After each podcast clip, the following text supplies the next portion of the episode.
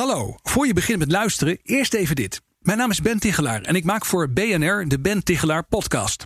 Daarin spreek ik met inspirerende gasten over persoonlijk leiderschap, effectief werkgedrag en work-life balance. Vind je dat interessant? Check dan www.bnr.nl/slash Tichelaar of de bekende podcastplatforms. Hartelijk welkom bij CryptoCast nummer 109. Hoi Madelon. Hoi Herbert. En hallo Chris Oosthoek. Hallo. Goedemiddag. Hoi. Jij bent onze gast vandaag. Je hebt onderzoek gedaan naar inbraken bij exchanges. Dat en om alvast een tipje van de sluier op te lichten, daar komt onder andere uit dat de buit per inbraak steeds minder wordt. Als je dat tenminste in bitcoins rekent. Dat is een interessant uh, punt. Um, kun je er nog heel wat over zeggen, zeker als je de vergelijking maakt met banken. Want welke bank wordt nou nog beroofd? Hè? Mm -hmm. um, Interessante stof, gaan we het straks uitgebreid over hebben. Je bent promovendus bij het Cyber Threat Intelligence Lab van de TU Delft. Correct. Ja. Mooi zo. We geven geen beleggingsadvies. Je kunt ons beluisteren bij BNR en in al die andere podcast-apps. Uh, maar ons ook bekijken en beluisteren bij uh, YouTube, CryptoCast.nl. En we nemen thuis op uh, in verband met de corona natuurlijk. Het is thuiswerktijd, het is lockdown. En vandaar dat we niet in onze gebruikelijke podcaststudio zitten. En dat zal nog wel een tijdje zo blijven. Ja, zeker. Mooi zo. Ik stel voor dat we naar de prijsanalyse gaan, Madelon. Wat heb je voor ons? Ja, top. Ik ga hem nu met jullie delen. Dan kun je eventjes meekijken op mijn, ja, uh, op mijn scherm. Hier zie je nog steeds die ontzettend lange neerwaartse trend. En volgens mij moet ik hem ietsje naar rechts neerzetten. Ja. En eigenlijk zitten we nog een beetje in dezelfde situatie als waar we vorige week zaten toen uh, Tuur de Meester bij ons te gast was. Ja. We zien nog steeds die overal neerwaartse beweging. Ja, en van een half jaar sterke... is dit, hè, wat ik nu zie, ja. zo te zien. Ja, dit is vanaf uh, juli 2019. En hier zit dan begin 2020. Nou, toen liep de koers op. Daarna viel die heel erg hard terug. Hadden we hier het corona-verhaal. En uh, nu is de koers tegen die 6800 aan aan het, aan het duwen, maar hij komt er niet echt boven. Ik pak nu eventjes de tweede grafiek. Dit zijn uh, candles van 4 uur. Dus ieder blokje op deze grafiek vertegenwoordigt 4 uh, uur uh, in, in werkelijkheid. Ja. En wat we, wat we zien, wat mij opvalt, het eerste is dat het volume afloopt. En dat betekent dus dat er minder verhandeld wordt en dat men ook minder duidelijk, minder makkelijk een, een bepaalde richting weet te kiezen. dat maakt dus ook de stijging of de daling die we op dat moment zien minder krachtig. Dus het is heel makkelijk voor de koers om nu door deze steunlijn heen te zakken, door deze steunlijn heen te zakken. Dat is relatief makkelijk, omdat we zo ineens de andere kant op zouden kunnen gaan. Uh, wat mij wel opvalt, is dat we hier dus een keer of 1, 2, 3, 4, nou vier keer tegen die 6800 aanknallen. En dat is toch wel nou ja, het start zijn naar, uh, naar ja, nieuwe hoogtes. Dus richting de 10.000 dollar. Maar goed, we zitten nog steeds in die zijwaartse trend. Wat ik vorige week ook al aangaf. We gaan hier nog wel een poosje ja. uh, blijven hangen. We hadden de Federal Reserve die uh, aankondigde te stimuleren. De aandelenmarkt te stimuleren. en, en daar reageerde zowel de aandelenmarkt als bitcoin als goud en zilver positief op. die koersen gingen dus omhoog. Nou, wat we nu overal zien is dat de markt nog steeds niet precies weet waar dit naartoe gaat, hoe lang corona gaat duren. Beleggers zijn niet, zijn niet duidelijk, zijn niet zeker van, uh, van hun zaak. En dat resulteert in dat lage volume en die zijwaartse beweging. En dit is een markt waarvan ik als handelaar, als trader zeg: wegblijven. Uh, hier, hier, kun je vrij weinig, vrij weinig op verdienen. Dus op het moment dat die koers hier neerwaarts uit zou breken, en nu moet ik heel eventjes ons verplaatsen naar de linkerkant, dan zitten we uh, rond de 5900, nou 6000 dollar ongeveer. Als we daaronder uitbreken, dan hebben we echt wel een laag koersdoel van richting de 4000, 4500 dollar. Uh, en mochten we opwaarts uitbreken, dan hebben we weer een heel hoog koersdoel. Dus dit is wel een beetje een moment of truth, Herbert. Ja, dus we zitten als het ware op een dubbeltje op zijn kant. Ja, precies. Oké, okay. en uh, op welke termijn verwacht jij dat er iets gaat gebeuren? Of is er ook niks van te zeggen? Ik wou dat ik daar wat van kon zeggen. Ik heb geen, uh, geen glazen bol, ook niet hier thuis. Nee, hè? dus, nog uh, steeds niet. Hè? Jammer. Nee, nee, nee, nee. Kunnen we niks over zeggen. Dat heeft ook echt te maken met, met externe factoren. Dus hoe lang, hoe lang corona nog door blijft gaan. Ja. en, en daar zijn beleggers natuurlijk van afhankelijk. Daar zijn ook de cryptohandelaren volop mee bezig. Ja. En wat de besluiten zijn vanuit de centrale banken, et cetera. Ja, en de verwachting is dat nou ja, er een recessie aankomt. Hè? wat zou, als dat, als dat gebeurt, wat zou dat voor de cryptokoersen voor gevolg hebben? Nou, dat is een beetje uh, twee, tweeledig. Uh, in de eerste instantie verwacht je dat op het moment dat men uh, op zoek gaat naar veilige havens, om het zo maar te, te noemen. We zagen al in Amerika de, de job claims. Dus de mensen die nu al zonder werk zitten, dat dat over de 6 miljoen liep. Nou, dat is in tijden van 2008 niet eens gebeurd. Nee. Um, en en dat, is, dat is echt heel heftig. Dus mensen gaan op zoek naar markten waarin je nou, nog een beetje geld kan kan behouden, of in ieder geval je vermogen kan behouden. En dat zou dus onder andere goud en zilver zijn, maar men verwacht dus ook bitcoin. En daarnaast kunnen we hem ook nog omdraaien. Doordat er zoveel geld bijgedrukt wordt, uh, zou er automatisch inflatie ontstaan. Worden producten duurder, worden auto's duurder, huizen duurder. Uh, en dus ook cryptocurrencies naar verhouding duurder. Dus je koopkracht neemt af. Wat ook een, uh, een stijging zou moeten betekenen. Dus ja, ja zo'n crisis is, is heel negatief. Maar dat zou een positieve uiting kunnen hebben op bitcoin en, en de andere waardevaste assets. Oké, gaan we afwachten. Ja. Mooi, dankjewel. Gaan we naar het nieuws. Um, Chris, jij uh, hebt een nieuwtje voor ons betreffende Binance en CoinMarketCap. Ja, dat klopt. Um, eerder deze week, dat was volgens mij op dinsdag, uh, was het nieuws van de blok crypto. Dat uh, Binance zeer waarschijnlijk CoinMarketCap gaat overnemen. vanochtend zag ik ook nog dat Binance heeft aangekondigd een eigen miningpool te starten. Dus ja, er gebeurt daar van alles eigenlijk bij Binance. En um, nou, dat is natuurlijk allemaal onderdeel van het grotere masterplan van uh, CZ. Uh, dat hij ook aankondigde deze week hè, bij een opening van Binance in Zuid-Korea om de grootste crypto-exchange ter wereld te worden. Nou, waarom is dit interessant? Um, ten eerste natuurlijk dat gigantische overnamebedrag, 4, mil 4 miljoen dollar volgens mij. 400 miljoen toch, hè, bedoel je? 400 miljoen, ja. Ja, ja.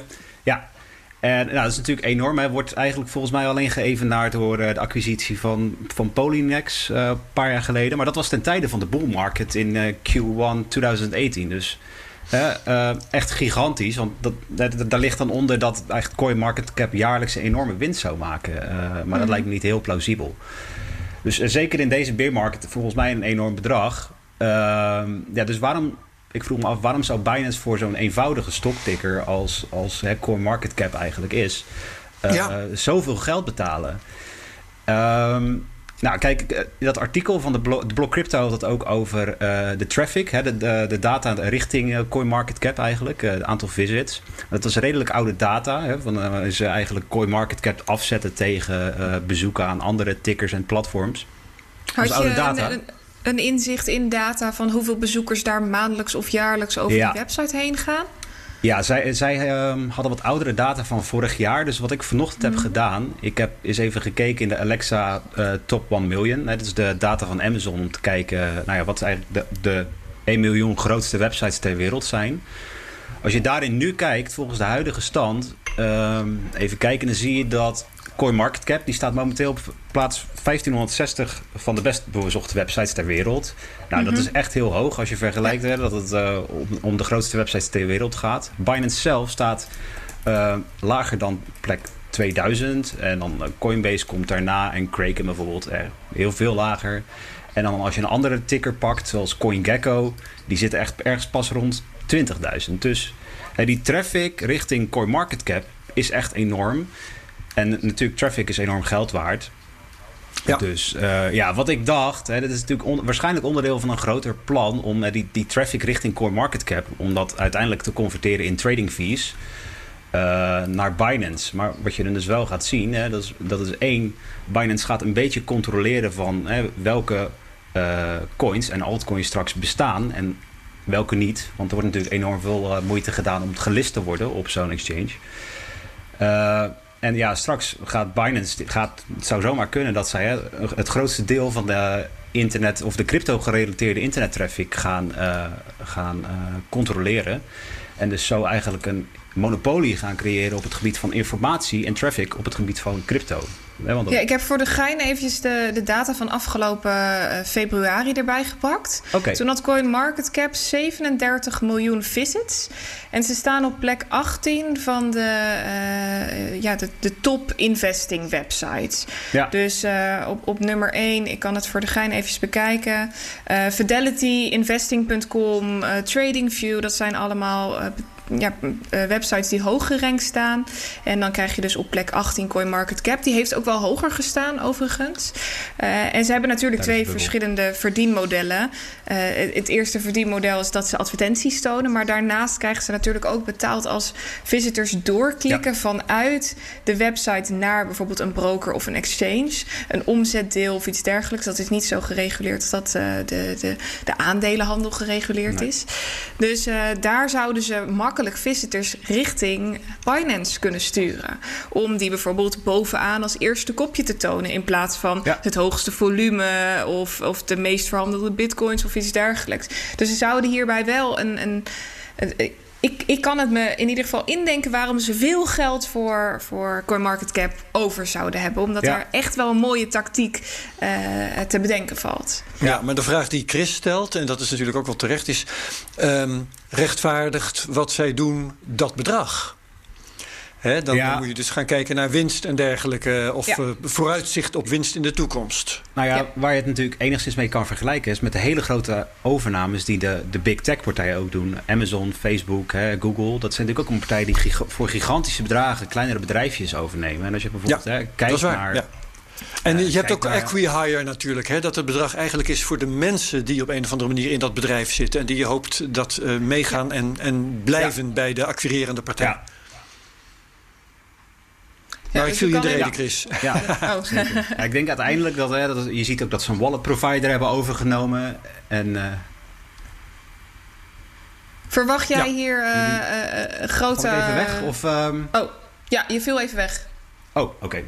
Je zei, ze hebben een wallet provider overgenomen. Ja. Wat wallet provider, allerlei andere soortige, soortige bedrijven. Dus ja, ik, ik vergelijk het zelf heel erg met Amazon. Hè. Die hebben ook afgelopen jaren van allerlei uh, overnames gedaan en zijn op die manier eigenlijk too big to veel geworden. Op de een of andere manier. Hè? Dus en die hebben op die manier een monopolie gecreëerd binnen hun eigen. Hè, die ownen eh, een heel groot deel van de internetinfrastructuur inmiddels. En uh, ik kijk er niet gek van op als dat uiteindelijk ook zich uit gaat spelen op zo'n manier. Tussen Coinbase bijvoorbeeld hè, en Binance. Om gewoon eigenlijk bij de hele crypto scene te gaan domineren op die manier.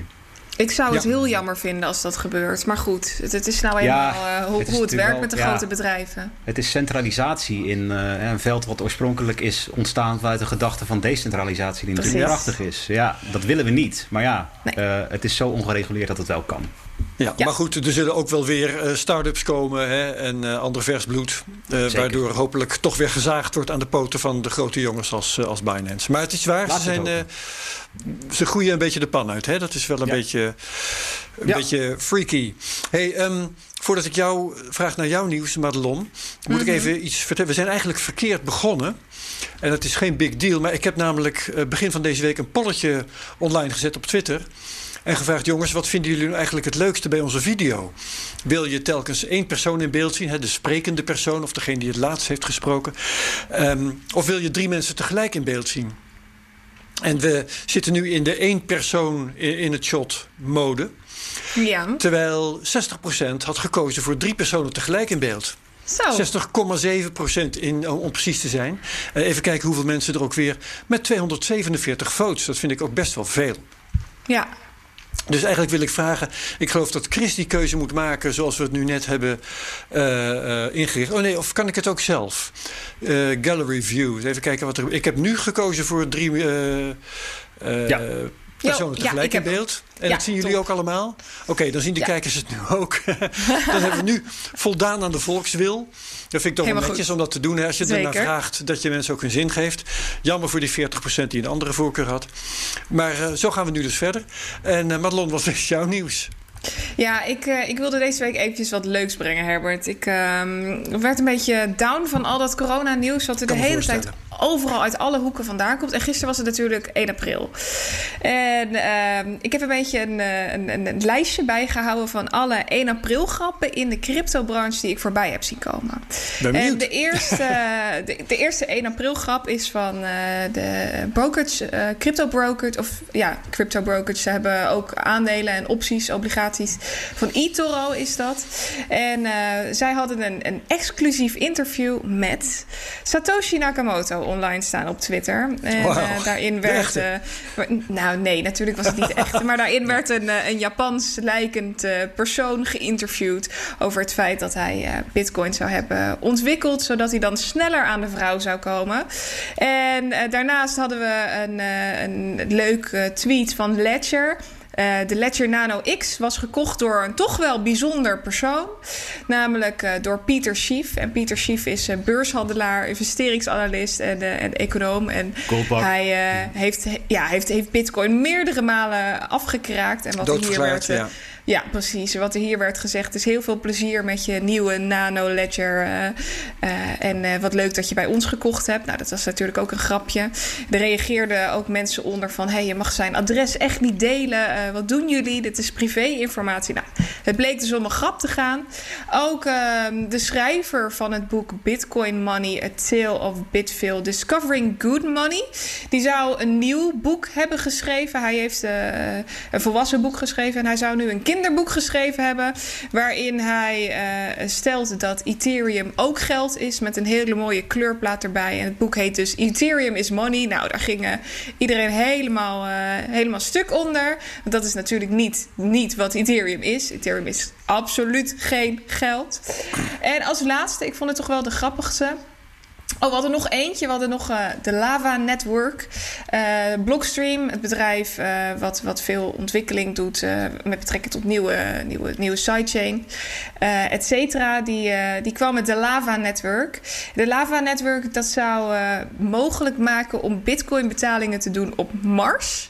En zo zou ieder zonnestelsel een eigen sidechain krijgen. En zouden we dus klaar zijn voor de toekomst. Lava Chain dus in de laatste, die vond ik wel heel erg, eh, heel erg mooi. Want Herbert, jij had het laatst gehad over uh, de corona-coin. En toen zeiden wij nog tegen elkaar dat het best wel een beetje, beetje cru was. Ja, en ja, ja, uh, nu verscheen was de coin met uh, evenveel coins als er mensen waren op, op de aarde. Hè? En die zou dan steeds in aantal afnemen naarmate de mensen stierven aan corona. Dat Precies. was het nare idee van die corona-coin. Ja, en hier hebben ze toch wel een, een grappige versie van gemaakt. Er zou namelijk een nieuwe coin gelist zijn op CoinMarketCap. En de circulating supply, dat, dat was op dat moment van listen al out of stock. De prijs was ongeveer 1 dollar en 64 cent. De grafiek zag eruit als twee billen. En uh, de naam van de, van de coin was Toilet Paper Token. Mm. Dus dit vond ik wel een hele, een hele grappige. De, de Toilet Paper Token. Omdat er toch echt wel een run was op toiletpapier afgelopen week. Nou, ik heb me kostelijk vermaakt uh, ja. deze week met, met de 1 april grappen. Oké, okay, komt een link in de show notes hè, naar Zeker. deze lijst. Kan ja, iedereen zelf absoluut. het ook allemaal uh, even nakijken. Goed, yes. leuk. Um, het nieuwtje dat ik had, ja, het, dat had een 1 april grap kunnen zijn, realiseer ik me nu. Maar ik weet wel vrij zeker dat het dat niet was, want hij verscheen al op 29 maart. En dat is net een beetje aan de vroege kant voor een 1 april grap. En het was het idee dat. Uh, Mike, ik, trouwens, ik weet zeker, want uh, het gaat om een patentaanvraag van Microsoft. Microsoft heeft een patentaanvraag gedaan voor uh, cryptocurrency gebaseerd op niet proof of work, maar proof of. Um, ja, uh, er was een woord voor. Um, proof of exercise, moet je geloof ik zeggen. Uh, waarbij um, de activiteit die leidt tot het mogen maken van een blok niet is nou, het, het verstoken van energie of iets dergelijks, of het raden van een getal wat miners doen, maar um, een of andere menselijke activiteit. Wat bijvoorbeeld zou kunnen zijn het kijken naar advertenties. Wat dan zou worden bijgehouden. Um, of het oplossen van raadsels, maar dan in je hoofd. Dan zouden ze daar uh, hersengolven voor worden uh, bijgehouden. Proof dus, of um, life was het volgens proof mij. Proof of life, dat, dat ja. is. Ja, ja, ja. ja. Bewijs van leven. En allerlei clubs hebben dat over. Ook bijvoorbeeld lekker cryptisch. Hè? Die jongens die zijn toch ook niet gek. Die hebben we trouwens heel binnenkort weer hè, in de ja. uh, Cryptocast. Um, die hebben hier ook een artikel over geschreven. Um, en dit gaat natuurlijk niet zomaar in een coin worden opgenomen. Hoewel er een Mango coin schijnt te bestaan. Die, waarbij mining plaatsvindt op basis van werkelijk het rennen van bepaalde afstanden. Oh. Um, het is een experimentele coin. En eh, dus hou me ten goede. Die, uh, die uh, Mango Coin die is niet helemaal serieus. En uh, er zijn allerlei manieren om dat te vervalsen omdat dat bijvoorbeeld uitgaat van uh, de bewegingen van je smartphone bij het rennen. En die kun je ook simuleren door bijvoorbeeld je smartphone op de wasmachine te leggen. Dan beweegt die ook. Dus dat heeft allerlei voetangels en klemmen. Uh, maar vooral is het zo dat een patentaanvraag nog lang geen product betekent. Hè? En Microsoft heeft hier dan wel een patent op aangevraagd. Maar dat patent hebben ze nog niet eens. Laat staan mm -hmm. dat er een product is wat daar dan weer op gebaseerd is. Precies. Dus, uh, Want dat is, kunt... dat is best lastig om dit toe te passen in een, in een product, in een telefoon of een horloge of iets dergelijks. Dat, dat kan natuurlijk niet zomaar. En het moet ook iets zijn waar je dan op een of andere manier geld aan kunt verdienen. En dat heb je mhm. ook niet 1, 2, 3. En bedrijven vragen aan de lopende band patenten aan. Zonder dat dat ergens. Dat weet Chris vast en zeker ook. Um, zonder dat dat direct tot producten leidt, maar meer als een soort ja, verzamelen van kapitaal, wisselgeld, wat je weer kunt besteden als je met een of ander ander bedrijf in een patentconflict eh, terechtkomt. Dus uh, patentaanvraag is, betekent niet dat je ook zelfs maar plannen hebt in de richting van een product. Maar dit was mhm. dus wel een hele interessante gedachte. je kunt niet alleen op uh, die, het verstoken van die elektriciteit, bij het raden van getallen kun je um, uh, een coin baseren, maar het kan ook op andere activiteiten. En ja, uh, menselijke activiteiten is daar een interessante optie voor. En daar zijn ze bij Microsoft dus over aan het nadenken. Dat is grappig.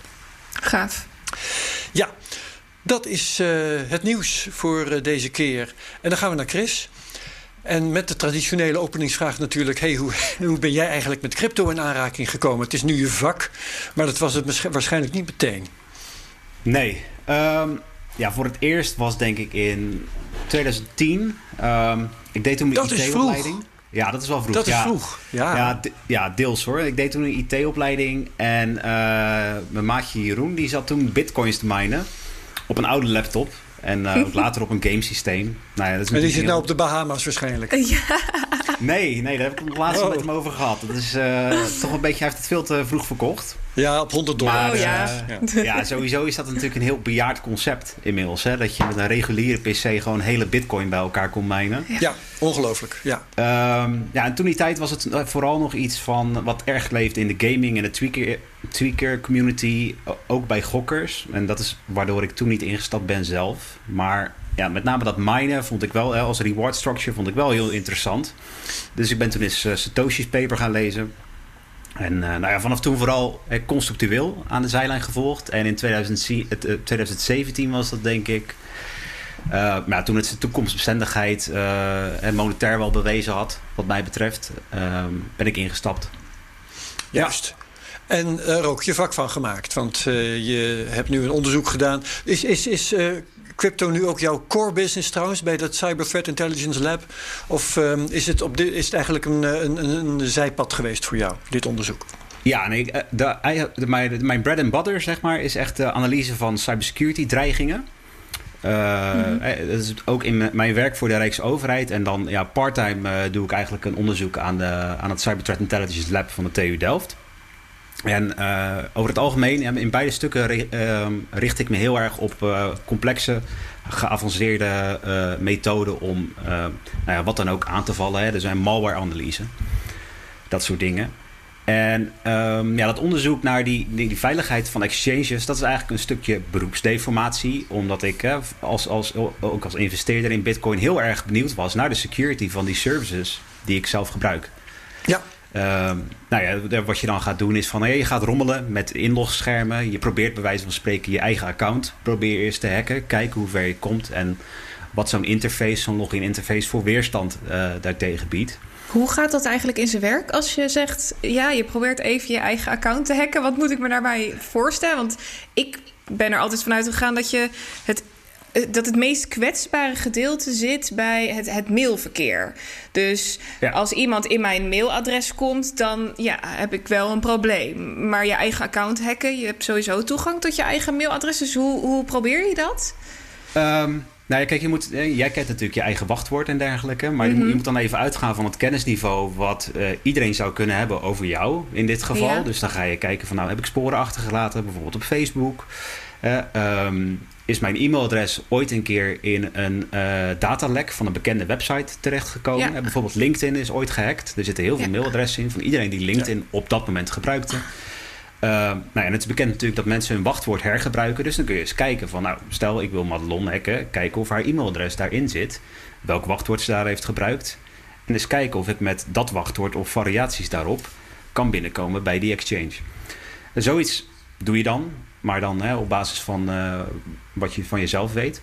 Mhm. En dan kijk je of dat werkt. Hè. Bijvoorbeeld, je hebt ook natuurlijk ook met uh, geheime vragen en dergelijke. Uh, dat zijn dingen waarmee je toch wel vaak door zo'n proces heen kunt komen als je maar genoeg van iemand weet. Ja, en wat ik toen eigenlijk zag, hè, dus is dat het volwassenheidsniveau van die security, dat verschilt best wel per exchange. Van de ene exchange naar de andere, ja. Ja, ja dus hè, om even binnen, inderdaad binnen dat ecosysteem te blijven. Dus ja, dan ga je eens lezen over die exchange hacks. Wat, wat, wat gebeurt daar precies? En uh, nou ja, omdat ik al eerder wetenschappelijk onderzoek had uitgevoerd... Hè, naar de modus operandi eigenlijk van die aanvallers... was ik met het lezen van al die artikelen echt redelijk verbaasd... over hè, de hoeveelheid geld in bitcoin... er werd verdiend met ja, toch relatief eenvoudige hacks... Mm dus uh, nou ja, en op een gegeven moment was en wat, het eigenlijk... Wat, sorry, wat, wat bedoel je dan met relatief eenvoudige hacks? Um, ik kan er zo, ik kan er eventueel. eventueel is dat dan uh, het gebruiken van een ander IP-adres terwijl je de ene mail tegenhoudt en de andere mail verstuurt? Of. Um, nou, je kunt daarin denken. Wacht, ik zal eens even kijken of ik mijn scherm uh, kan gaan. Je gaat het gewoon even demonstreren oh. nu, begrijp ik. Ik ben benieuwd. Even kijken hoor. Nou ja, ik zal even iets van de paper laten zien. Even kijken of het werkt. Nou, er was een heel mooi grafiekje bij met ja, uh, belletjes die groter waren uh, naarmate er meer geld was buitgemaakt. Inderdaad, ja. Even kijken hoor. Share. Ja. Zo. Kunnen jullie dit zo zien? Dat is gewoon een lijst, ja. Ja, dan ga ik even hier. Nou, deze bedoelde jij, Herbert? Ja, precies. Ja, ja, ja, ja. ja. Met Mount Gox als grote ballon ja. die ja. in, in het linkerdeel van de grafiek hangt. Ja. ja. dus die lijst hè, die je net zag, die, dat is eigenlijk een overzicht van de, de meest belangrijke datapunten uit onze analyse. Ja. En dit is dan eigenlijk in een bubble chart, is dit een weergave van um, nou ja, onze, onze voornaamste onderzoeksresultaten. En nou ja, voor de luisteraar uh, is het wel goed dat ik even uitleg wat je hier ziet. Het is dus een bubble chart met um, op de horizontale as um, het jaartal waarin uh, de hack van een exchange heeft plaatsgevonden. Dus we hebben een dataset met uh, daarin uh, hacks van eigenlijk van 2011 tot en met 2019, waarin die van Binance en Bitpoint de laatste waren. Mm -hmm. um, op de verticale as hebben we de leeftijd van de exchange. Dus hoe oud die was, hoe lang die al bestond op het moment dat die werd gehackt. En dan hebben we inderdaad, nou, de grootte van de bubbels geeft uh, de buit in, in, in Bitcoin weer.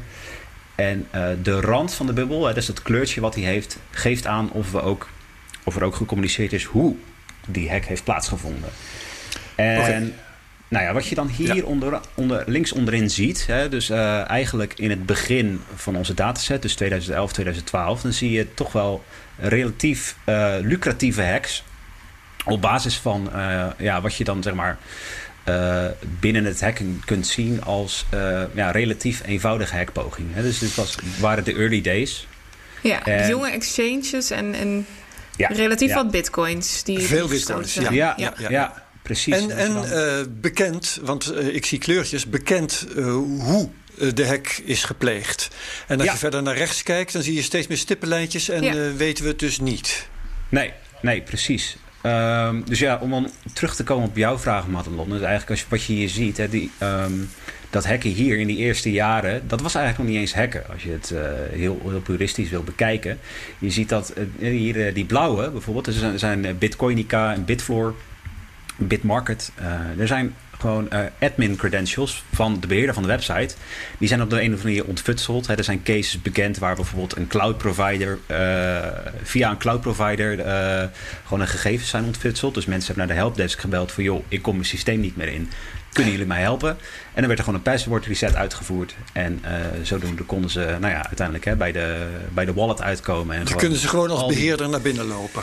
Ja, precies. Nou, en dat waren echt hè, de early days. Uh, en nou, goed, naarmate je verder in de tijd gaat, zie je dan hè, dat die hacks eigenlijk. Uh, ja, die worden, het wordt wat vager eigenlijk hoe, hoe ze nou precies worden gehackt. We hebben natuurlijk Mt. Gox, waarvan eigenlijk, ja, dat is de, de grootste in onze dataset qua Bitcoin. Uh, en Mt. Gox is dus twee keer gehackt. Eén keer met die stolen credentials. Ja, ook nog helemaal links in 2011 een keer. Klopt. Ja, ja, ja, ja inderdaad. En nou ja, wat je dus eigenlijk ziet, er wordt steeds minder minder gecommuniceerd hoe die hacks nou uh, daadwerkelijk plaatsvinden ook. En, uh, en wel qua grootte eh, is het minder erg dan in het begin. Ja, ja, dat klopt ja. Ja, dat klopt. En dat is natuurlijk een goed uh, teken. Aan de andere kant is het nog steeds... Hè, uh, ja, Bitcoin, de koers van Bitcoin is natuurlijk gestegen. Dus aan de andere kant is het nog steeds heel lucratief om, uh, om dit te ja, doen. absoluut. Dus, maar dit, eigenlijk in een notendop is ja, dit dat is het onderzoek. Ja, Oké. Okay. Um, wat was de reden eigenlijk dat je speciaal dit onderzoek wilde doen? Um, ja, dat was eigenlijk meer, meer uh, beroepsdeformatie. Eigenlijk. Dat was niet de vraag van een opdrachtgever of iets dergelijks. nee, nee, precies. Dit was, eigenlijk had ik in, uh, in, in, in twee weekendjes had ik op een gegeven moment uh, zoveel data verzameld dat ik dacht, hier zit wel in. Hier zit wel wat in. Want eigenlijk ik denk altijd van als je op een gegeven moment heel veel moeite moet doen om, om data te verzamelen in Excel, dan is dat mogelijk of wetenschappelijk al interessant. En als het dat niet is, uh, als je ergens een uit, uitgebreide Excel voor moet bouwen, is het mogelijk wel een interessant uh, app-idee of iets dergelijks. Dus uh, nou, op een gegeven moment had ik zoveel data verzameld en zag ik dat er wetenschappelijk weinig over geschreven was, dat ik dacht van joh, ik laat, het gewoon eens, laat ik het gewoon eens opschrijven in een paper. En nou, daar is dit van gekomen eigenlijk in een paar weekenden. Wat, dus, uh. ja. wat was de conclusie eigenlijk van, van deze paper? Uh, nou, de, er zijn een aantal conclusies. Uh, de hoofdconclusie eigenlijk is ehm, dat hoewel je ziet dat er een verbetering plaatsvindt binnen het, het, het, ecosysteem van Bitcoin exchanges, mm -hmm. is dat je wel ziet dat, ze nog steeds, dat het nog steeds een relatief dat is evident natuurlijk, een relatief jonge industrie is. En um, als je inmiddels kijkt over de afgelopen jaren, zie je dat die attack factors, dus hè, de manier waarop die exchanges worden aangevallen, wel overeenkomt met andere financiële instituties, zoals uh, de grootbanken. Alleen dat nog steeds het echt, de, de, de daadwerkelijke exfiltration, dus het wegsluizen van geld, is wel echt uniek voor Bitcoin exchanges. En dat is wel, uh, ja, dat is een van de belangrijkste bevindingen eigenlijk. Ja, dus je, je stelt vast dat banken worden eigenlijk niet meer beroofd, ook digitaal niet. Maar bij exchanges gebeurt dat nog wel.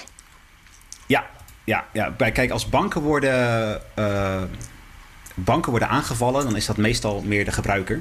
Die wordt aangevallen, hè? bijvoorbeeld via mm -hmm. phishing. En als daar dan ja. daadwerkelijk geld wordt weggesluist, dan is dat vaak op individueel niveau. De rekening van de particulier wordt leeggehaald en niet de kluis van de bank.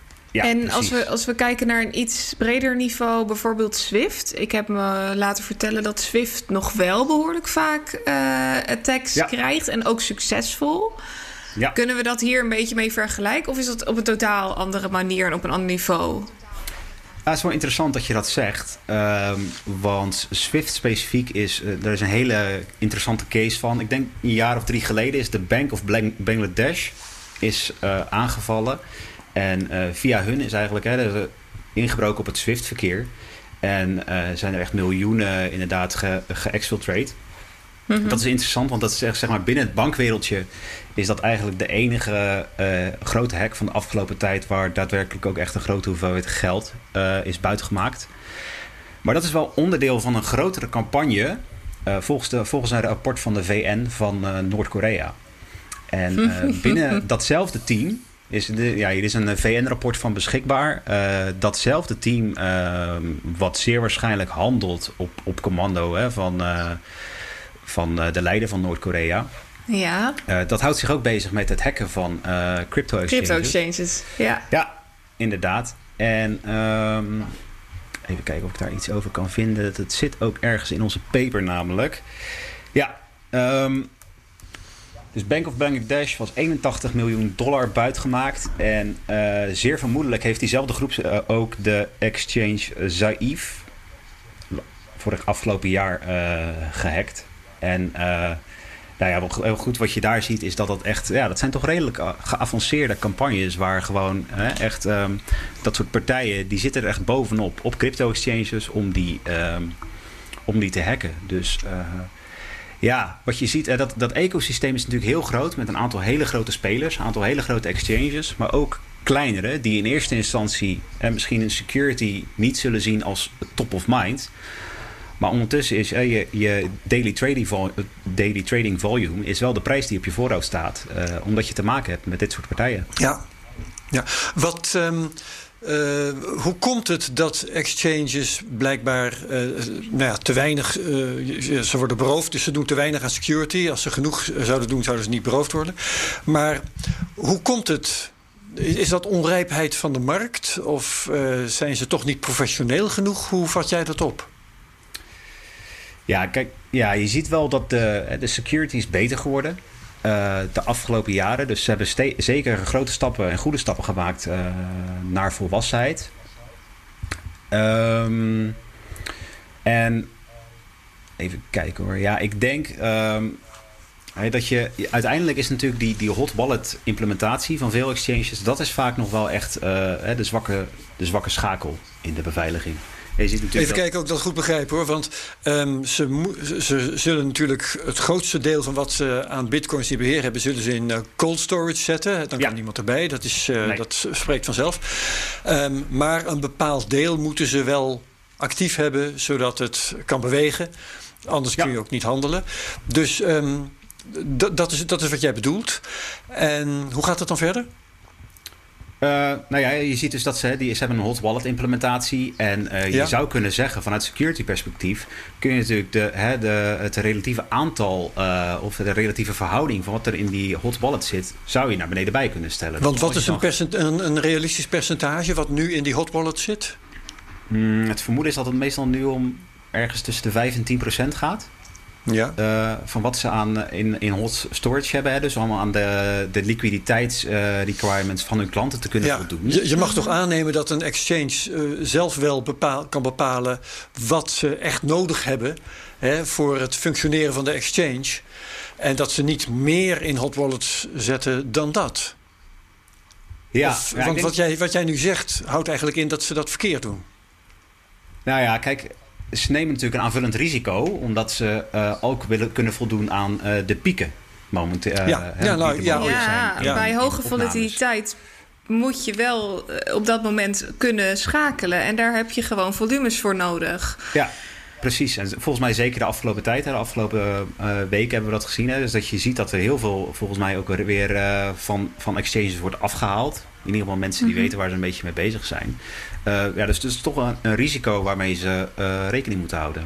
Ja. Deze week was er een, uh, een behoorlijk vooraanstaand persoon. Ik ben even zijn naam kwijt. Maar hij zei dat deze momenten van volatiliteit in de cryptomarkt, dat het exchanges nog meer uh, vulnerable maakt voor eventuele attacks. Omdat ze waarschijnlijk meer in die uh, hot wallets hebben staan. En dus hackers nog uh, op dit moment nog liever een attack uitvoeren dan enkele weken geleden. Dus dat je daarom wellicht er goed aan zou doen om je geld van de exchange af te halen. Deel jij die mening op dit moment?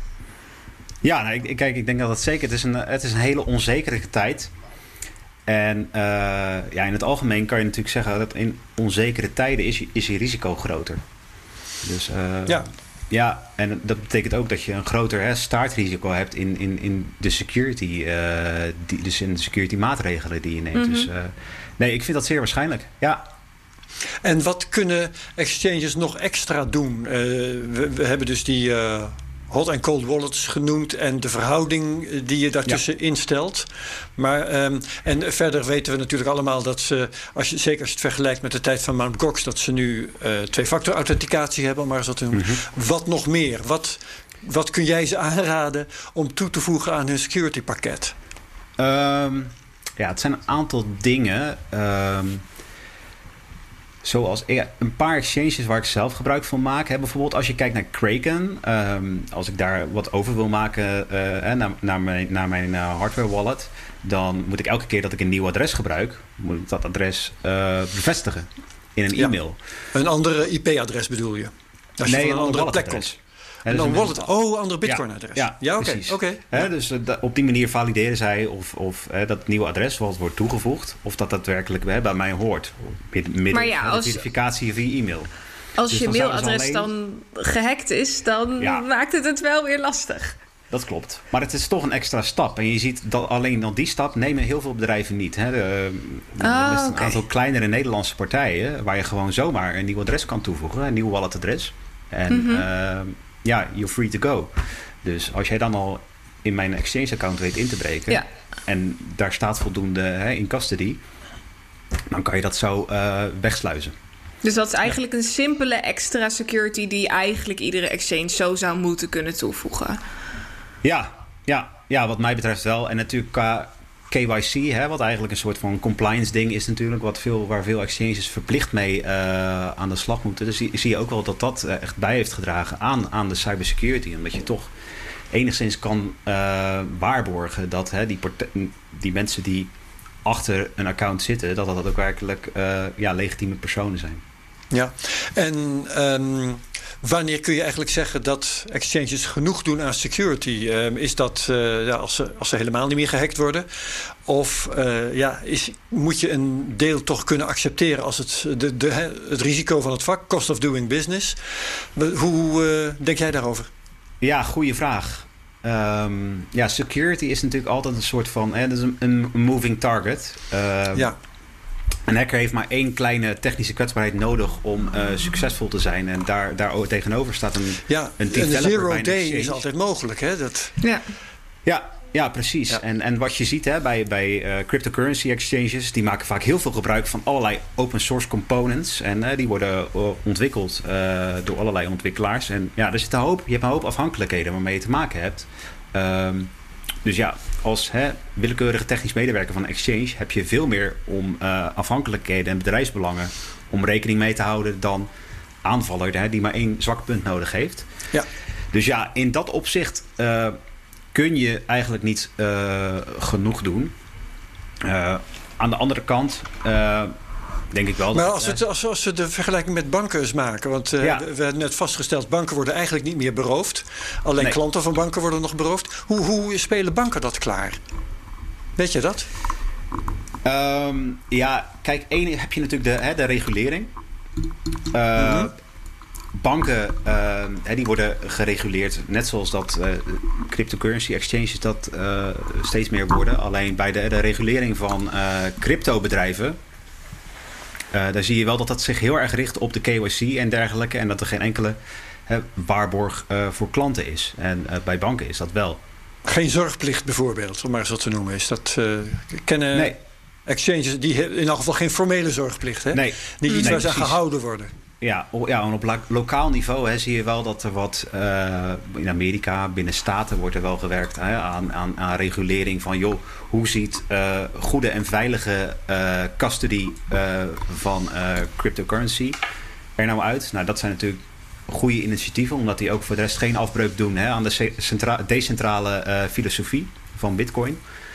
Um, maar ja, ik denk dat er zeker nog wat uh, te verbeteren valt. Ook als je bijvoorbeeld kijkt hè, naar um, wat de laatste tijd al plaatsvindt. Is dat uh, bijvoorbeeld um, tegoeden, gestolen tegoeden. Um, bijvoorbeeld in de Binance-hack van afgelopen zomer. Er worden de tegoeden van Binance-gebruikers worden weggesluist naar een andere exchange. Maar dan worden die wel meteen bevroren door die exchange. om uiteindelijk teruggesluist te worden naar Binance. ja. Ja, enorm interessant. Je kan daar natuurlijk van alles van zeggen. Hè? Dat uh, hoort het zo te werken in de Bitcoin-filosofie. Uh, maar ja, uiteindelijk voor uh, die individuele persoon die toch niet de beslissing heeft gemaakt om zelf zijn Bitcoin in custody te nemen, is zoiets natuurlijk een goede ontwikkeling. Ja, ja, ja. Jij zegt net, Chris, uh, jij zegt net, als je bijvoorbeeld naar kraken gaat, dan weet ik dat je een mailtje krijgt.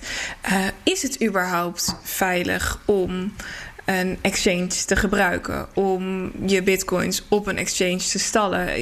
Ik maak hier een klein beetje uit op dat jij dat zelf ook wel doet of hebt gedaan. Of ik raad je mensen aan om dat te doen. Ik raad het je eigenlijk niet aan om te doen. Behalve als mhm. je er een goede reden voor hebt. Hè. Als je dat risico accepteert, uh, dan moet je dat doen. Maar het enige scenario waarin ik me dat voor kon stellen dat je dat risico accepteert, is als je bijvoorbeeld een actieve trader bent. dan ga je natuurlijk niet uh, ieder uur die bitcoin heen weer slepen. Los al van het kost tijd en het kost, het kost je Geld. transaction fees. dus dat wil je dat niet doen. Maar voor de rest zou ik tegen iedereen zeggen van... Hè, Weet je, dat is maar één, één ding. Er zijn allerlei beveiligingsmaatregelen te nemen, maar koop gewoon een hardware wallet. Dat is leuk om mee te experimenteren. En dat is voor, voor de meeste mensen is dat toch een redelijk eenvoudige stap en stel nou dat je, eh, stel nou dat je toch die keuze maakt om voor een exchange te kiezen. Dan kun je exchanges filteren op allerlei verschillende manieren. Je kan kijken naar allerlei verschillende uh, stappen. Je kan zelf bepaalde stappen nemen voor de, de, de online privacy. Uh, wat zou jouw stappenplan zijn als je een, een goede exchange zou willen uitzoeken?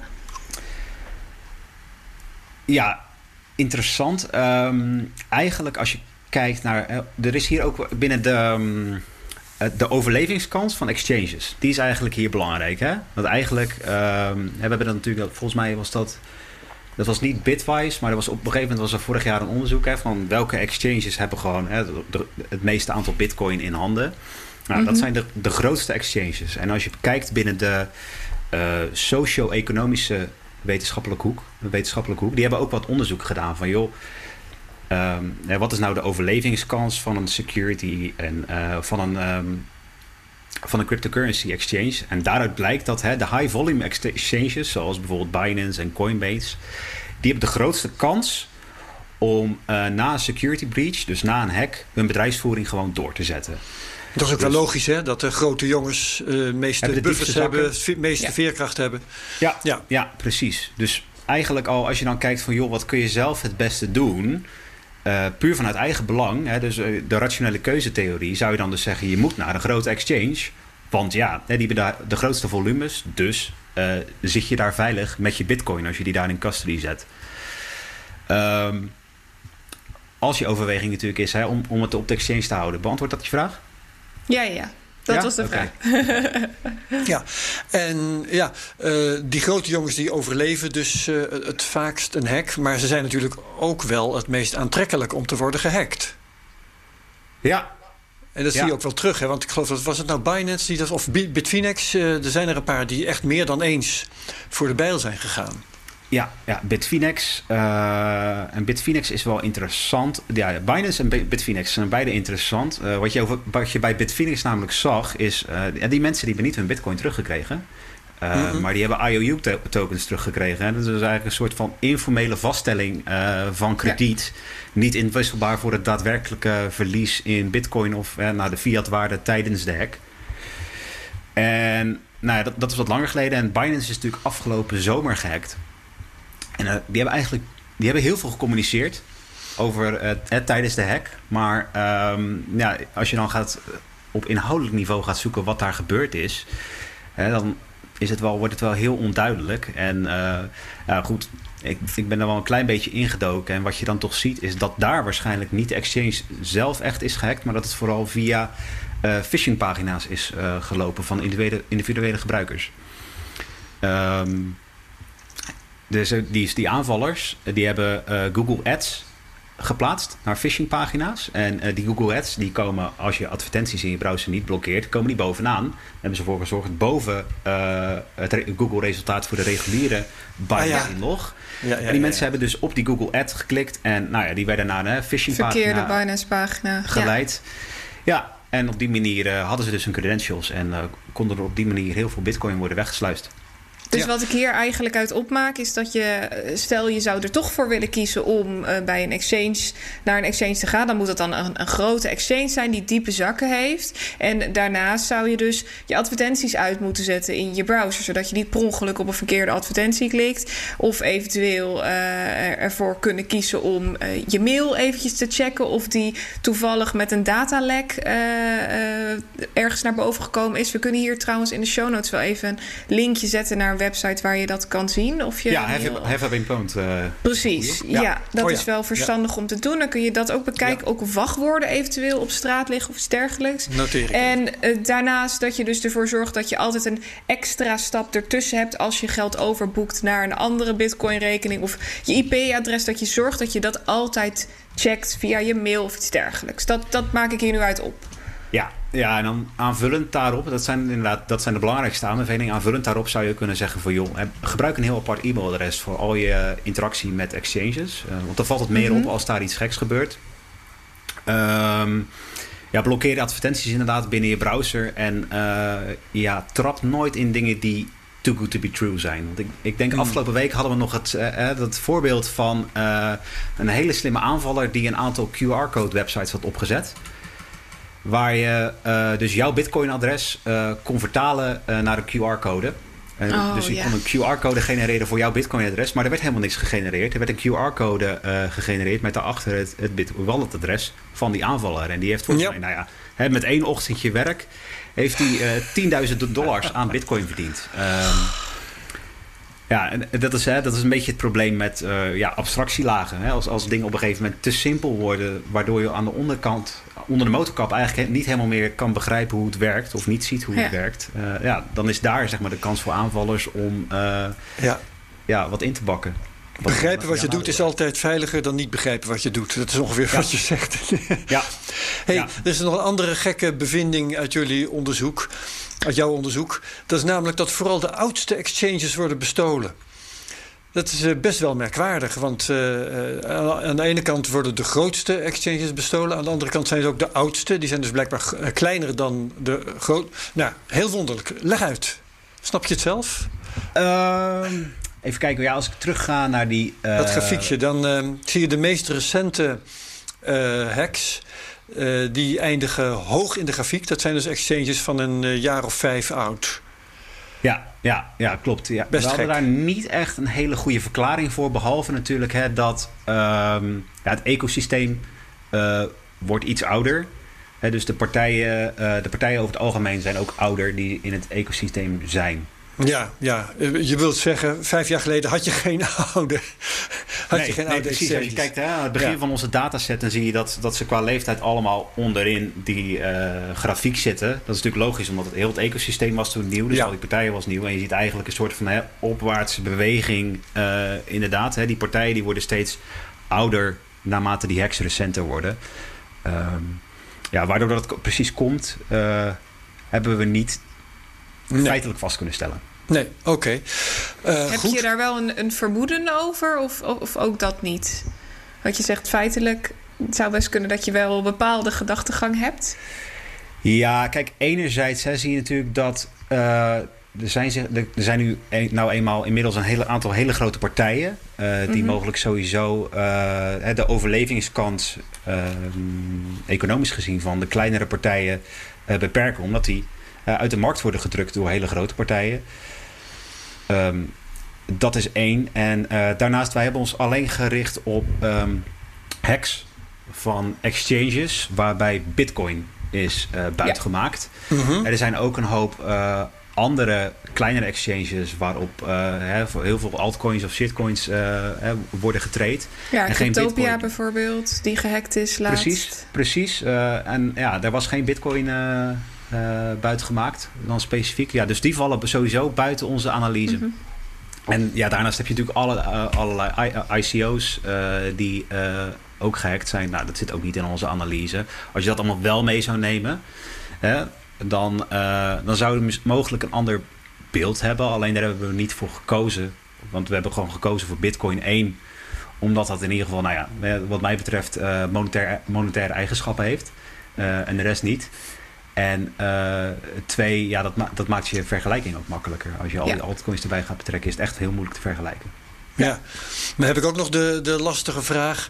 Uh, we zeiden aan het begin al, die, uh, die hacks die worden in bitcoins gemeten, worden ze steeds kleiner. Hè? De, de buit wordt steeds kleiner. Uh, nou, en, en jij zei ook al, eh, gemeten in eh, dollars of euro's, is dat misschien helemaal niet zo, omdat de koers van de bitcoin zo is opgelopen. Dus kun je dan eigenlijk wel zeggen dat die exchanges veiliger zijn geworden? De schade blijft, nou ja, pak een beet hetzelfde.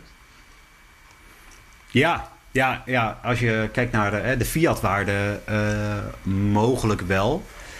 Um, ja, ja, klopt. ja, wat kun je er verder van zeggen? ja, nou ja, als purist hè, kijk je natuurlijk puur naar je waarde in bitcoin, mogelijk. Uh, ja, ja. Dat uh, zal de, de klant misschien niet doen, Chris. nee, nee, dat is waar. Ja. Um, hoe, hoe denk jij dat het uh, verder gaat in deze wereld? Um, gaan de exchanges nog een keer een veiligheidsniveau bereiken als de banken nu hebben. Namelijk dat er gewoon geen geld meer wordt buitgemaakt. Behalve dan natuurlijk van klanten die zelf onvoorzichtig zijn. Of uh, is er toch iets speciaals aan crypto-exchanges dat ze dat niet voor elkaar gaan krijgen? Ja, dat is een interessante. Um, die vergelijking met banken. Uh, ja, banken zitten natuurlijk heel strak in de compliance. Maar goed, de, de, de, regels voor exchanges en dergelijke worden ook steeds strakker. Die worden steeds Als het daaraan ligt? Juist, ja, dus mogelijk zit daar uh, iets van hoop. En um, ja, wat ik zelf ook nog wel interessant vind, hè, is de vergelijking uh, die nog wat meer opgaat dan met een bank, is bijvoorbeeld hè, een tradingplatform als de Giro. Op Nederlands ja. grondgebied. Als je mm -hmm. daarnaar kijkt, hè, dat enigszins kan je dat best wel vergelijken hè, met wat een uh, cryptocurrency exchange platform doet ook die, hè, zie je dat die uh, veel strakker in hun security zitten ja. dan uh, gemiddeld, in, uh, gemiddeld bij de centralized exchange platforms ja. in Bitcoin. Heeft dat misschien maar... ook te maken met de landen waar exchanges gevestigd zijn? Want die zitten meestal toch wel, als ik het zo zeggen mag, in redelijk vage landen. In Malta, op de Seychelles. Ja, ja Panama. Precies. China. Ja, ja, of China, ja. zeg ik misschien niet goed. Maar goed, oké. Okay, dus uh, is dat een, een belangrijk verschil? Dat ze uit de greep uh, blijven van de strengste regelgeving? Dat zou kunnen, maar ik, kijk, ik heb nog niet gezien dat die regelgeving um, tot nu toe zich heel erg richt op de cybersecurity van die exchanges en daarmee de bescherming van uh, de klant in het algemeen. Hè? Nee, het is meer witwassen en dat soort dingen wat, uh, ja, waar tegen beschermd ja. wetgeving inderdaad. Ja, dus ja, ja. Daar, hm. daar is mogelijk nog een slag te halen. Hè, met, met Verwacht alle... jij dat ook in de toekomst? Dat hier in Nederland en misschien wel op Europees vlak daar strengere regels voor komen? Nog los van, van het witwas gebeuren en het, het know your customer, et cetera. Maar dat ze echt op klantniveau de klant beschermen? Ja, interessant. Ik denk als dat ervan gaat komen, dan is dat uiteindelijk een, uh, een goed teken. Eén, uh, voor uh, de volwassenheid van Bitcoin en, en, en, ja. en de koers. Uh, mogelijk voor ons. Uh, hè, want waar natuurlijk geld zit, hè, daar, daar, volgt uiteindelijk altijd uh, de regulatie achteraan. Dus ja, ik denk uiteindelijk wel, wat mij betreft, heeft Bitcoin de toekomst. Dus helaas denk ik dat waar mogelijk uiteindelijk die klauwen van regulering ook daar wel terecht zullen kunnen komen. Jij zegt helaas, maar goed, aan de andere kant kan het ook positief zijn, omdat de klant dan weer wordt beschermd. Uh, ja, er wordt toch al volop gereguleerd, dus dan moet dit er eigenlijk ook maar gewoon bij, als het, als het toch moet. Ja, ja, ja, ja. Idealiter hè, is het niet nodig omdat iedereen gewoon zelf nadenkt over zijn eigen security. Zo zou je hem ook kunnen stellen, natuurlijk. Ja. Ja, ja, als je niet, geen gebruik maakt van die exchanges, heb je gewoon een, een, een wallet in je la liggen, bij wijze van spreken. En dan is het niet nodig. Ja, ja dat, dat is natuurlijk, hè, daardoor zijn die exchanges zo enorm sterk. Hè. Die hebben dan gewoon heel dat proces van uh, een deposito uh, aanleggen. Um, die hebben dat natuurlijk heel mooi gemaakt. Hè. Dat is volgens ja. mij alleen al twee weken geleden dat Coinbase. Uh, die heeft zoveel enorm deposito ontvangen. Omdat al die mensen hè, tijdens, die, uh, tijdens die, de lage koers van bitcoin er, geld in wilden stoppen. Terwijl er ook gewoon echt voldoende go hele goede peer-to-peer -peer platforms zijn waar, waarop je hetzelfde kan doen. En nou, we hebben in Nederland natuurlijk met Bitter ook een hele goede service. Waarbij je geen um, bitcoin geeft aan, aan, aan een exchange of wat dan ook. Maar het gaat gewoon meteen naar je treasure toe of wat dan ook. Dus ja, er zijn voldoende alternatieven. Alleen daar denkt de massa uh, denkt daar waarschijnlijk niet over na. Omdat um, de aanbiedingen van zo'n exchange gewoon enorm compelling zijn. En uh, heel gebruiksvriendelijk. En ja, dat hebben ze sterk ja. geregeld. Ja, hey, en uh, dan is er nog iets waar je ook in het onderzoek volgens mij het nodige over zegt. De, uh, er is een soort algemeen belang hier ook. Als uh, exchanges veilig zijn, dan hebben we die uh, vervelende gevolgen voor de Bitcoin-koers niet als een keer een exchange gehackt wordt. Want dan gebeurt dat. Hè, als de exchange en de hack groot genoeg zijn, dan krijgt die, die koers weer een knauw. Dus de hele markt eigenlijk heeft er baat bij dat ze wel veilig zijn. Niet alleen de exchanges, niet alleen de klanten van die exchanges zelf, maar ook iedereen daaromheen. Um, wat wat zouden ze kunnen doen klanten, exchanges, iedereen samen om, uh, om, om hier wat uh, in te bereiken? Um, wat de klanten betreft, um, die moet vooral echt een aantal stappen nog nemen. Hè? Gewoon lokaal op het systeem waarop je zeg maar, interacteert met je bitcoin en de exchange, denk ik. Daar uh, kan ik zo nog even iets verder op ingaan, als je wilt. En ja, uiteindelijk denk ik, de macht ligt bij de klanten. Uh, uiteindelijk stem je altijd met je portemonnee en in bitcoin uh, met je wallet. Dus, en uh, ja, het extra gebruiksgemak wat je mogelijk neemt door ehm, je bitcoin lekker bij de exchange te stallen, uh, introduceert natuurlijk een aanvullend risico. En uh, ja, van die risico's moet je wel op de hoogte zijn. Waarmee je toch weer zegt, uh, kies nou maar niet voor al te veel op een exchange te laten staan. Nou ja, ja kijk, ja, in Nederland hè, moet iedereen verplicht bij een bank zitten en een bankrekening hebben. Maar niemand verplicht jou om bitcoin te kopen bij Coinbase of Binance. Ja, nee, totdat zo'n exchange zegt, weet je wat, als er wat gebeurt, dan, dan vergoeden we je. Ja, als, het, als zij het risico wegnemen, maar goed, dat moeten ze dan wel doen. Ja, maar ja, je ziet dus ook in ons onderzoek dat daar wel uh, verschillend mee om, uh, mee om wordt gegaan. Hè. Er zijn ook grotere partijen geweest die dat niet hebben gedaan. En uh, die, die gebruikers daarvan die zitten met zo'n waardeloze IOU. Ja. dus ja, ik zou het niet uitsluiten dat er in de komende jaren, zoals Madelon al suggereerde, mogelijk een wat grotere exchange wordt gehackt. En dat gaat enorm interessant worden wat daar dan gaat gebeuren. Ja, dat is duidelijk. Madelon, heb jij nog vragen?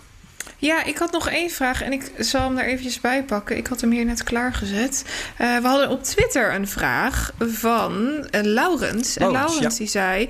zou je willen vragen welke exchange in zijn ogen... dus in jouw ogen, Chris, het mm -hmm. goed doen? En in hoeverre je dus zelf nog wat kan, kan doen aan uh, je veiligheid, je privacy... of je online veiligheid. En... Um, want hij zegt hier dat het best ingewikkeld is voor de gemiddelde Nederlander om je portefeuille uh, goed te beveiligen, tussen aanhalingstekens. Dus als eerste vraag: welke exchange zou je dan als, als voordeel van de twijfel dan toch nog kiezen? Um, en daarna, hoe kun je op die exchange je portefeuille zo goed mogelijk beveiligen? Ja, nou, die eerste vraag heb ik eigenlijk maar één antwoord. Hè? Uh, dat is Kraken of Kraken. Mm -hmm. um, ja, die ondersteunen YubiKey, uh, wat eigenlijk hè, een soort van second mm. factor device is, uh, wat veiliger is dan uh, SMS-authenticatie. of een authenticator app. Ja. Want ja, als je malware op je telefoon hebt, hè, dan kan die authenticator code worden uitgelezen. En SMS-verificatie is natuurlijk, hè, dat is kwetsbaar voor SIM-swapping bijvoorbeeld. Ja. Hè, dus dat iemand anders jouw telefoonnummer pakt via je provider. Zij, ja, ze bieden ook dingen als hè, een master key, uh, waarmee je niet iemand zomaar je, je paswoord kan resetten. Uh, dat is heel goed. Je kan PGP versleuteld met hun mailen. Uh, maar ook als je bijvoorbeeld kijkt naar hun inlogscherm, dan zie je bijvoorbeeld dat er enorm weinig wordt prijsgegeven over jouw account als daarmee wordt gerommeld. Dus dat is goed. En ja, eigenlijk sowieso gecombineerd met de zeer lage fees uh, die dat platform hanteert, snap ik eigenlijk niet waarom uh, Kraken al groter is dan ze nu zijn. Ja, ik moet eerlijk zeggen, dat wist ik niet dat er een, uh, blijkbaar een exchange is die met kop en schouders qua veiligheid boven de rest uitsteekt. Dat is wel grappig dat je dat vertelt. Ja, ja, nee, ja, wat mij betreft zeker. Kraken ja. is echt uh, heel ver. Oké, okay, dus dat is de vraag: welke exchanges uh, ja? kun je aanraden? En de andere is: wat kun je als je. He, dan gaat het dus niet om. Haal je te goed naar een ledger toe. Maar dan gaat het erom, als je dan kiest voor een exchange, wat kun je dan doen om het zo goed mogelijk daar te laten verlopen? Ja. Ja, ja, ja, en dan, um, ja, dat was ook een beetje hè, van wat kan je nou precies nog zelf doen, los van die exchange, inderdaad, die vraag. Ja. En um, ja, ik geloof dat er deze week was er nog iets in het nieuws hè, van um, fake uh, Chrome extensions uh, voor je ledger bijvoorbeeld. Hè? Dus mensen denken van, oh, handig toeltje om direct in de browser met mijn Ledger te kunnen werken. Ja. Nou, die waren ook gewoon malicious. Die staan wel in de daadwerkelijke Chrome webstore. En op die manier wordt dus ook gewoon... Hè, dan denk je dus veilig te zijn met een hardware wallet... Ja. Maar die wordt dan dus leeggetrokken uh, via zo'n browser-extensie. En dus, hoe kun je die eh, herkennen? Kun je die met het blote oog herkennen? Of worden die herkend door je antivirussoftware? Of uh, wat, wat, hoe kun je daar tegen te weerstellen? Nou, die, die worden niet herkend door je antivirussoftware helaas. die werden ook aangeboden binnen de, de, zeg maar de officiële Chrome Web Store. Ja, dus, dat is wel heel moeilijk. Ja. ja, dat is moeilijk. Ja, wat je, waar je vaak naar kan kijken hè, bij, bij alle extra dingen die je gebruikt, zeker binnen je browser. Kijk gewoon, hè, kijk naar reviews, kijk naar hoe vaak die is gedownload, dat soort dingen. De rating, dat geeft je wel iets uh, aan. Dat geeft je iets van betrouwbaarheid aan. De allergrootste zijn dan over het algemeen het veiligst. Hè? En als de namen op elkaar lijken, dan moet je helemaal op je hoede zijn. Ja, ja precies. Dus Want ja, dan is er één partij die probeert te profiteren van de naamsbekendheid van de andere partij. Ja, precies. Dus uh, ja. En je had het je had het net kort over zo'n uh, ding waarmee je niet uh, een sms-code hoeft te ontvangen en ook niet uh, zo'n Google Authenticator. De YubiKey. De, daar zal ik een link naar maken in de ja, je hebt, ja, je hebt je YubiKey, maar als je, als je al over een hardware wallet beschikt, kan je ook mm -hmm. meestal de hardware wallet. In ieder geval bij Trezor kan je ook de Trezor zelf gebruiken voor die tweede stap. Ah, oké, top. Dus, ja, en Trezor is tre Trezor, T-R-E-Z-O-R. Maar dat komt ook ja. in de show notes. Hartstikke Mooi. Oké. Okay. Okay. Um, we zijn zo'n beetje door de tijd heen. Chris, had jij nog iets waarvan je zegt dat had je eigenlijk moeten vragen? Nee. Mooi. Eigenlijk niet. Alles, uh, hey, alles beantwoord. Heel goed. Top. Nou, dan uh, dank ik je hartelijk, Chris. En dan heb ik alleen nog te zeggen dat uh, als je uh, de CryptoCast leuk vindt, dat je hem kunt delen op Twitter en de mention at CryptoCast.nl kunt gebruiken.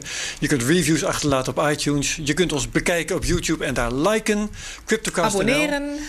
Precies. um, Madelon, dankjewel voor vandaag. Herbert, bedankt. En alle luisteraars, heel graag tot de volgende week bij de volgende CryptoCast. Yes. Bedankt, tot ziens. Dag.